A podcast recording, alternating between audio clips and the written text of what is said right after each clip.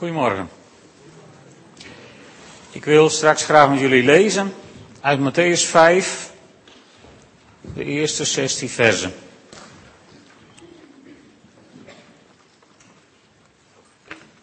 Voor wie schijn ik? Of voor wie schijn ik? Subtiel verschil. Maar we hebben dit jaar de metafoor van de vuurtoren. En iedere vuurtoren heeft zo zijn eigen bereik. Zijn eigen werkgebied, zou je kunnen zeggen. En de vuurtoren van Ameland, die schijnt niet voor Tessel. En die van Tessel schijnt niet voor Ameland. En zo is het ook met ons.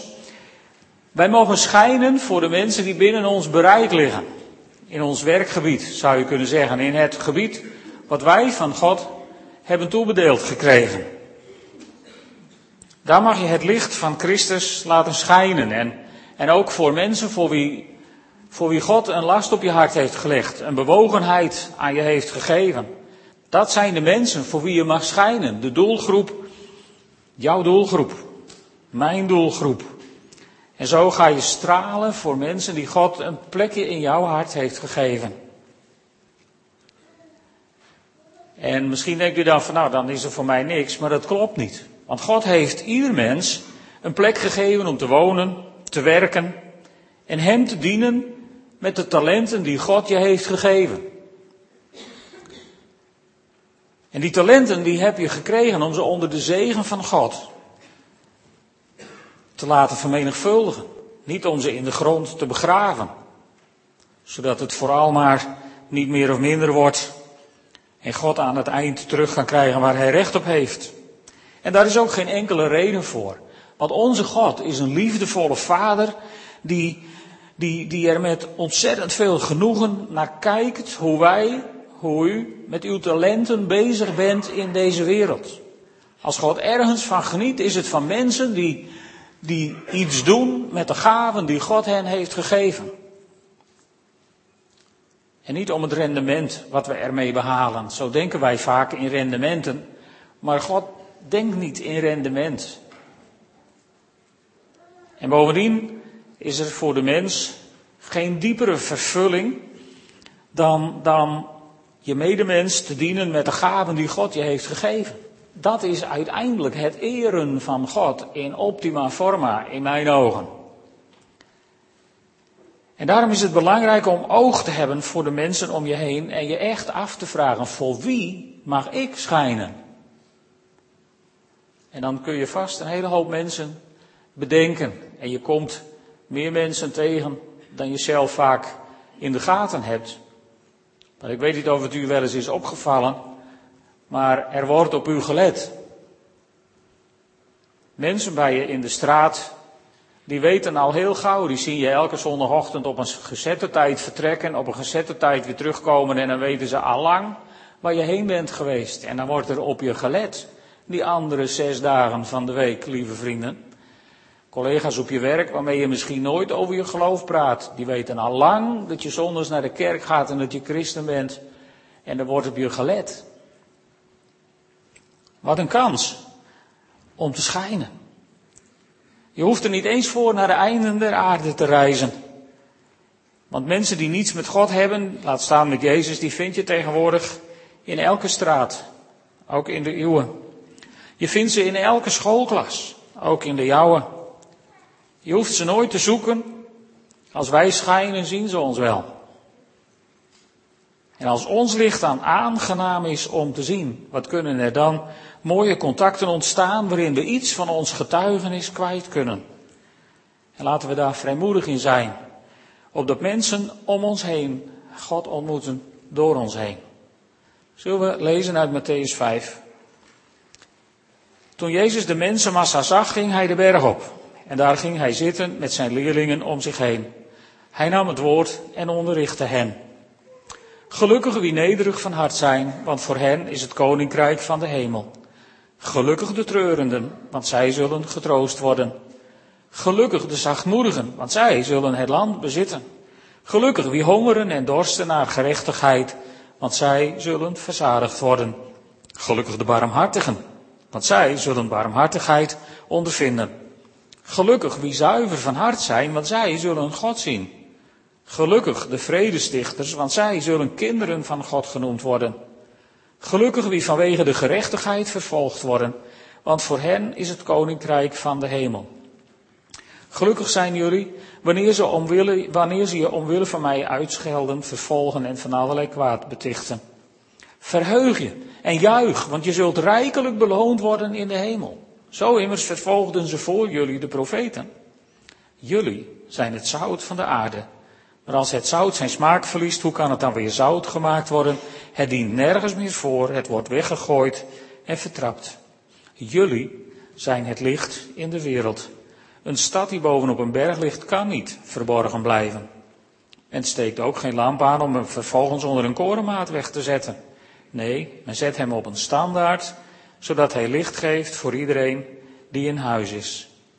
Zo moet jullie licht schijnen voor de mensen, opdat ze jullie goede daden zien en eer bewijzen aan jullie Vader in de hemel.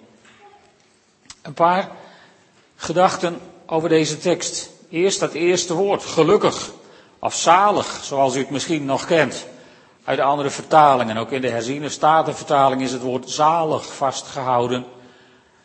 En uh, in het Grieks staat daar het woord makarios. En dat is een, een vorm van het poëtische woord makar. Met dezelfde betekenis, wat betekent gelukkig, gelukzalig of voorspoedig. En door er makarios van te maken, staat daar eigenlijk de gelukkigen of de zaligen. Er is een zelfstandig naamwoord van gemaakt. Zo doen ze dat in het Grieks. Alleen het is een poëtisch woord.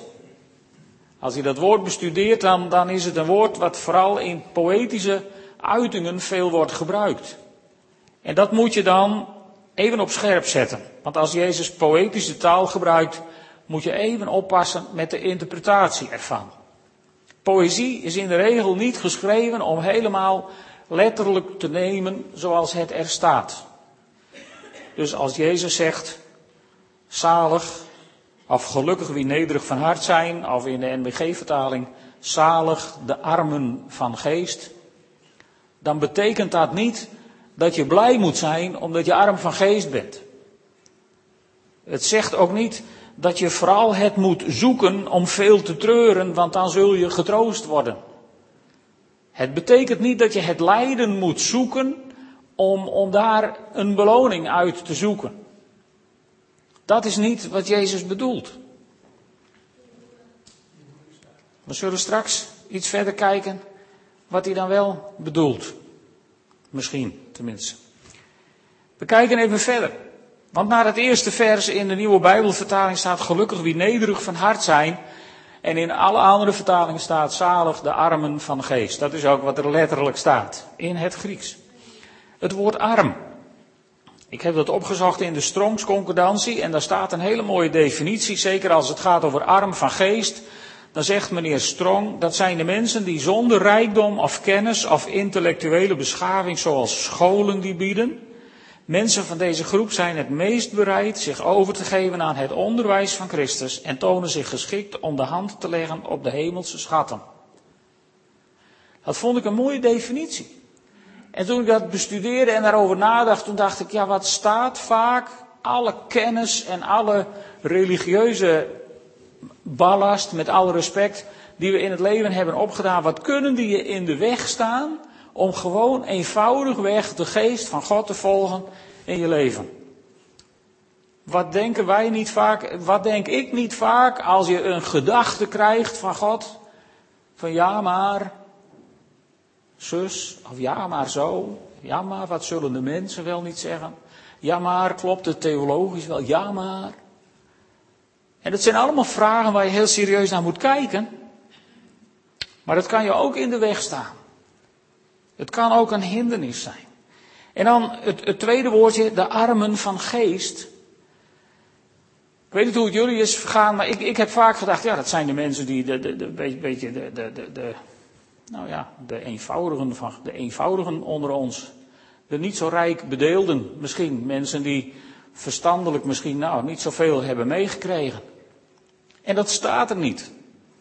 Er staat in het Grieks niet het woord psyche, of iets wat ook maar met verstand of met je ziel te maken heeft. De grondtekst gebruikt daar het woord pneuma. En dat is speciaal. Het gaat dus echt over je geest. Het gaat over je geest. Als je niet veel geestelijke ballast hebt meegekregen, dus redelijk arm bent van geest, of redelijk puur van geest misschien wel, dan ben je zalig, zegt Jezus. Dan ben je zalig.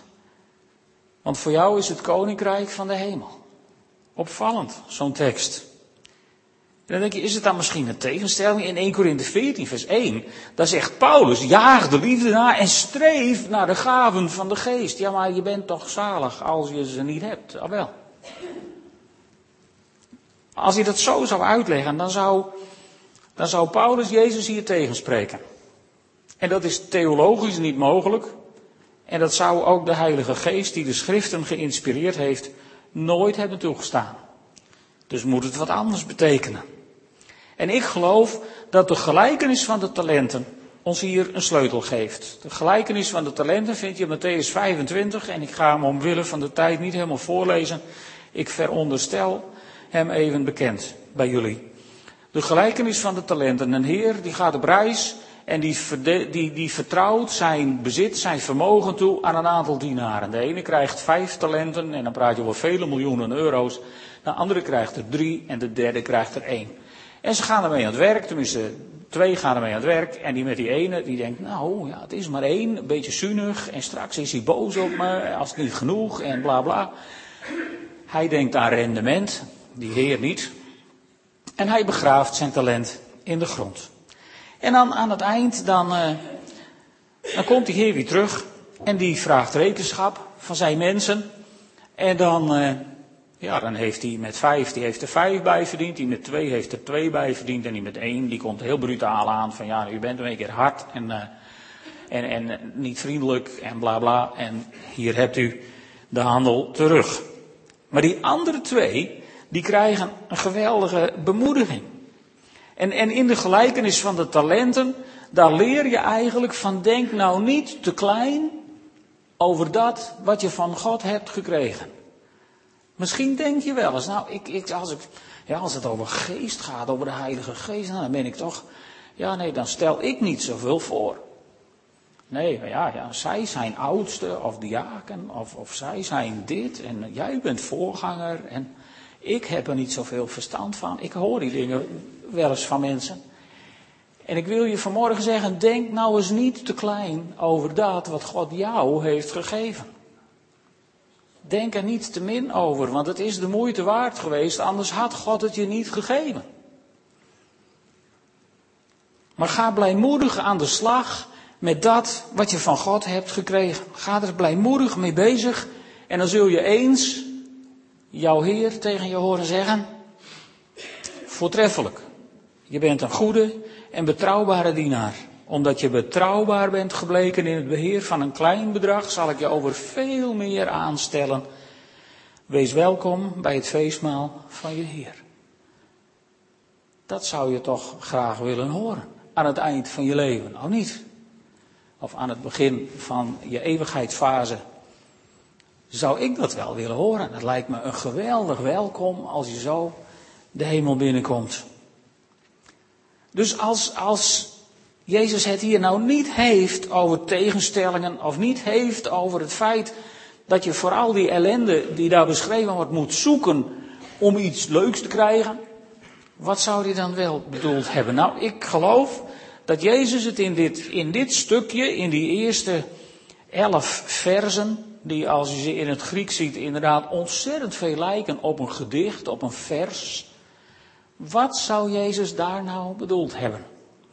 Ik geloof dat Jezus hier bedoeld heeft dat je moet reageren in, in wat, ja, wat ze wel de tegenovergestelde geest noemen.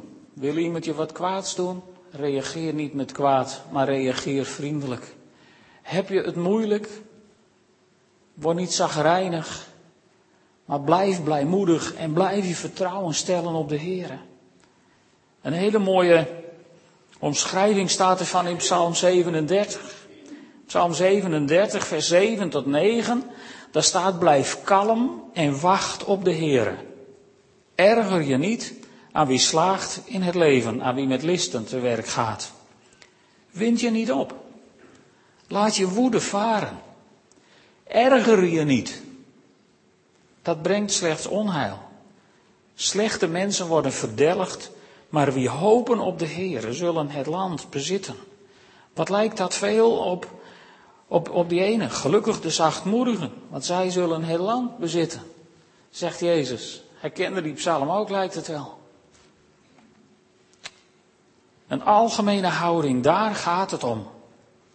En dan kijken we even naar de opbouw van, van dit gedeelte wat we hebben gelezen. Het is eerst dat poëtische gedeelte, een klein inleidingje en dan komen die, die versen, zalig die, met alle dingen daarachter. En dan komt de finale van dat gedicht, zou je kunnen zeggen, in vers 12. En de toepassing komt daarna, vers 13 tot 15.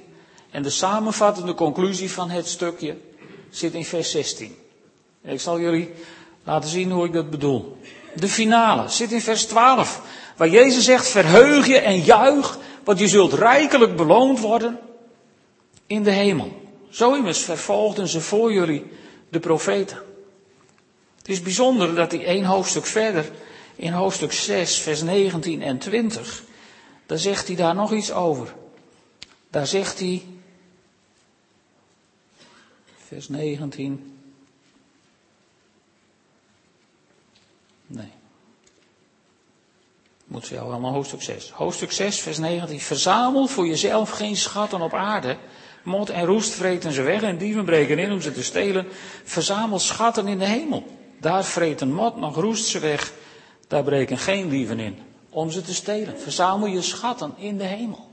Moeten we dan ons hele leven maar leidzaam alles over ons heen laten komen in de houding van nou, ik doe er vandaag niks aan, want later wordt het wel beter. Nee, dat is nou ook weer niet wat Jezus bedoelt. Maar hij geeft je wel iets om over je situatie en hoe die situatie er ook uitziet, om over je situatie heen te kunnen kijken naar de toekomst die voor je ligt. Naar schatten in de hemel.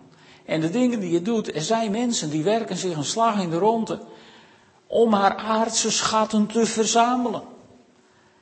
Want ja, het huis, het moet nog een groter huis. Want ja, al mijn vrienden of studiegenoten hebben ook een groot huis. En, en, en dan moet een, nog wat duurdere auto voor. Want alle buren hebben ook zo'n dure auto. En, en ik heb een huis aan het water. Ja, daar moet ik wel een beetje schip van kwaliteit voor. Want de buren hebben ook allemaal zo'n schip. En dan moet je uiteindelijk, moet je je bijna doodwerken om dat allemaal te kunnen betalen. En dan heb je alles om huis wat je hartje begeert en geen tijd om ervan te genieten. Je hebt ook mensen die hebben alle tijd van de wereld om ervan te genieten en weinig om van te genieten. Dat is het natuurlijk ook niet, maar verzamel je schatten in de hemel. En ga leven vanuit die algemene houding die Jezus hier in deze verse neerlegt. Zoals Paulus het omschrijft bijvoorbeeld in Filippenzen 4. Vanaf vers 4, daar zegt Paulus, laat de Heer uw vreugde blijven. Ik zeg nogmaals, wees altijd verheugd. Dus niet die gemaakte blijdschap van een christen heeft nooit pijn of heeft nooit verdriet. Dus ik zet mijn grote tandpasta reclamesmile op, want ik ben blij. Dat staat er niet. Er staat laat de Heer uw vreugde blijven. Dat moet je goed vasthouden, de Heer. Want je moet het van Hem hebben. Anders ben je reddeloos verloren. Laat iedereen u kennen als vriendelijke mensen. Je licht schijnt. Laat iedereen u kennen als vriendelijke mensen. Slaagt u daar al een beetje in? Of zijn er ook mensen die liever met een boogje om u heen lopen, omdat u morgens rijkelijk zagrijnig de nieuwe week ingaat? Kennen ze u als vriendelijke mensen? De Heer is nabij. Wees over niets bezorgd, maar vraag God wat u nodig hebt en dank Hem in al uw gebeden. Dank Hem in al uw gebeden. Wij vragen vaak in al onze gebeden, maar komt u ook aan danken toe in al uw gebeden? Want als je God gaat danken onder alles, dan wordt alles anders. Dat is een heel wonderlijk proces. En dan staat er in vers 7, dan zal de vrede van God, die alle verstand te boven gaat, uw hart en uw gedachten in Christus Jezus bewaren. En dan ben je zalig geworden. Dan is het ook zalig om in je omgeving te zijn. Weet je dat? Maar dat is de vrede van God die alle verstand boven gaat. Daar zit geen verdienste in. Van niemand van ons. Het is God die het doet. En dan zegt hij tenslotte, broeders en zusters, schenk aandacht aan alles wat waar is, alles wat edel is, alles wat rechtvaardig is, alles wat zuiver is, alles wat lieflijk is, alles wat eervol is, kortom, aan alles wat deugdzaam is en lof verdient. Want als je daar je gedachten mee vult, dan word je steeds vriendelijker als mens. Dan wordt het steeds leuker om in je omgeving te zijn. En doe alles wat ik u heb geleerd en overgedragen, wat ik u heb verteld en laten zien, doe het en de God van de vrede zal met u zijn.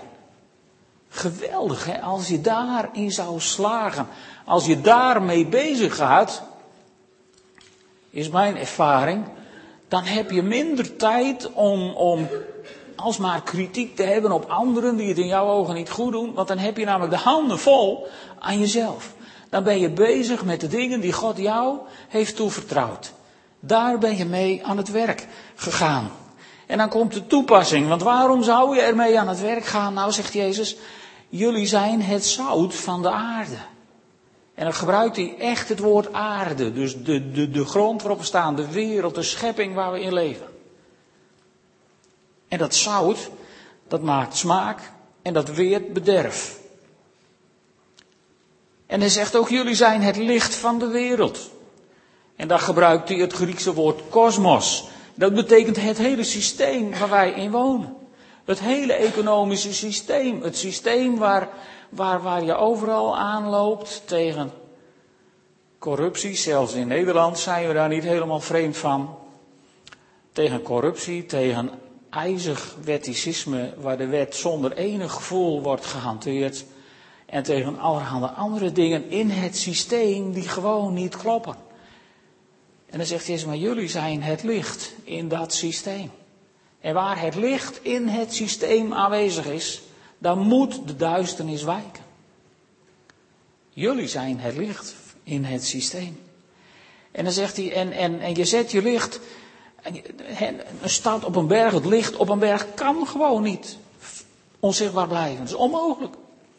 En hij zegt ook, je zet een lamp niet onder de korenmaat, maar je zet hem op een standaard, zodat iedereen die in het huis is van het licht geniet. Dus we zijn het zout van de aarde waar we op leven. We zijn het licht van het systeem waar we in werken en functioneren. En we zijn het licht in huis voor elkaar. Drie belangrijke plekken. En, en op die drie belangrijke plekken is het, is het heel fundamenteel dat we dus die levenshouding hebben die Jezus in die eerste tien versen of elf versen van Matthäus 5 ons aanreikt. En waarom zouden we dat dan doen? Nou, omdat wij een doelgroep hebben gekregen, zoals ik in het begin zei, de mensen om je heen. De mensen die op je weg komen. Want als laatste vers zegt Jezus, zo moet jullie licht schijnen voor de mensen. Let op, hij zegt niet, zo moet jullie licht schijnen voor mensen of voor de mensheid. Het Grieks is, dat betreft een hele aparte taal. In het Grieks gebruiken ze eigenlijk nooit lidwoorden, tenzij men een nadruk wil leggen. En als er in het Grieks, en het staat er in de grondtekst, er staat de mensen. Waarmee de mensen geïdentificeerd worden. Dus het is geen vrijblijvende opdracht van nou laat je licht maar schijnen voor de mensen een heel eind weg, zodat je er vooral niet veel verantwoordelijkheid voor hebt. Nee, Jezus zegt, zo moet jouw licht schijnen voor die mensen in jouw bereik. Voor jouw doelgroep. De mensen die op jouw weg komen. De mensen die jij tegenkomt in het leven. Voor die mensen moet jij je licht laten schijnen. En al die andere mensen, die ontmoeten ook wel lichtdragers. Daar redt God wel mee. En dat maakt het behoorlijk persoonlijk. Je licht moet schijnen voor de mensen die op je weg komen. En het middel wat Jezus aanreikt om je licht te laten schijnen, is dat ze je goede daden zien. Moeten we dan goede werken gaan doen?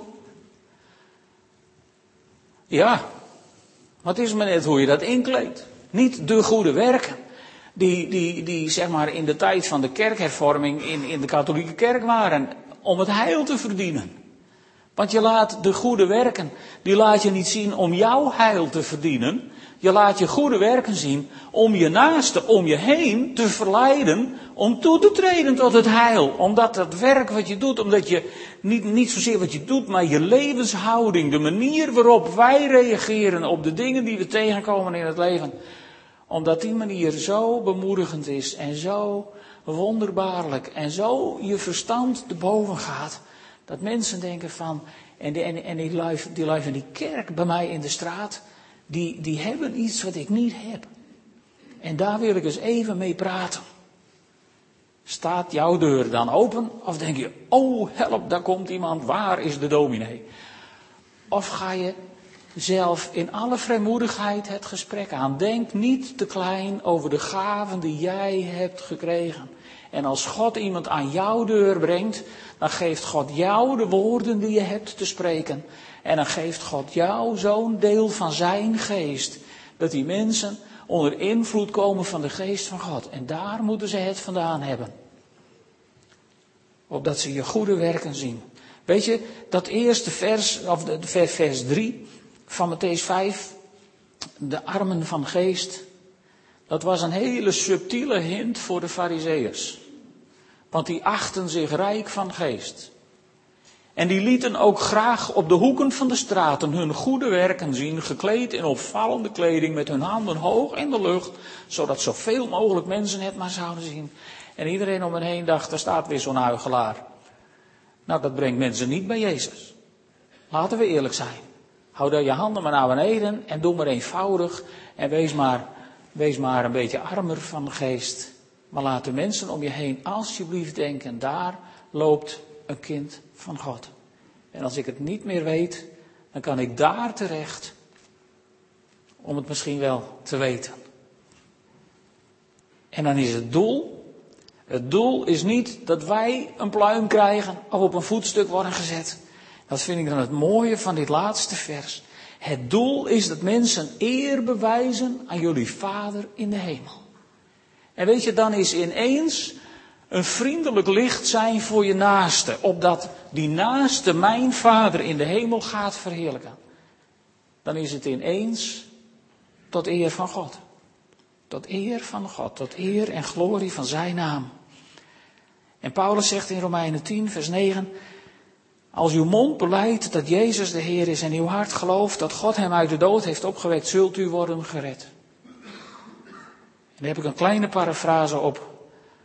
Als jij je licht laat schijnen en hun mond, hun mond, die mensen die je zien, gaat beleiden dat Jezus de Heer is en hun hart gaat geloven dat God hem uit de dood heeft opgewekt, dan zullen zij worden gered. En daarvoor, lieve vrienden, zijn wij op deze wereld.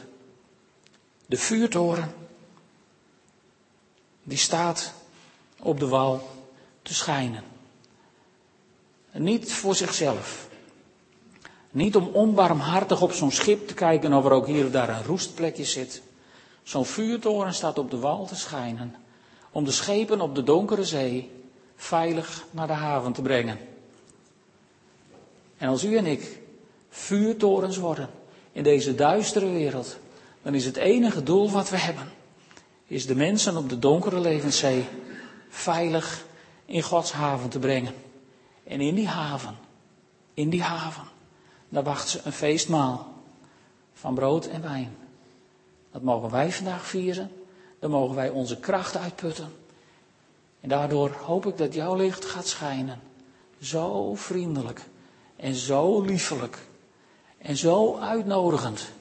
Dat mensen die je ontmoet de komende week zullen tegen je zullen zeggen. Vertel me toch eens over dat geloof van jou.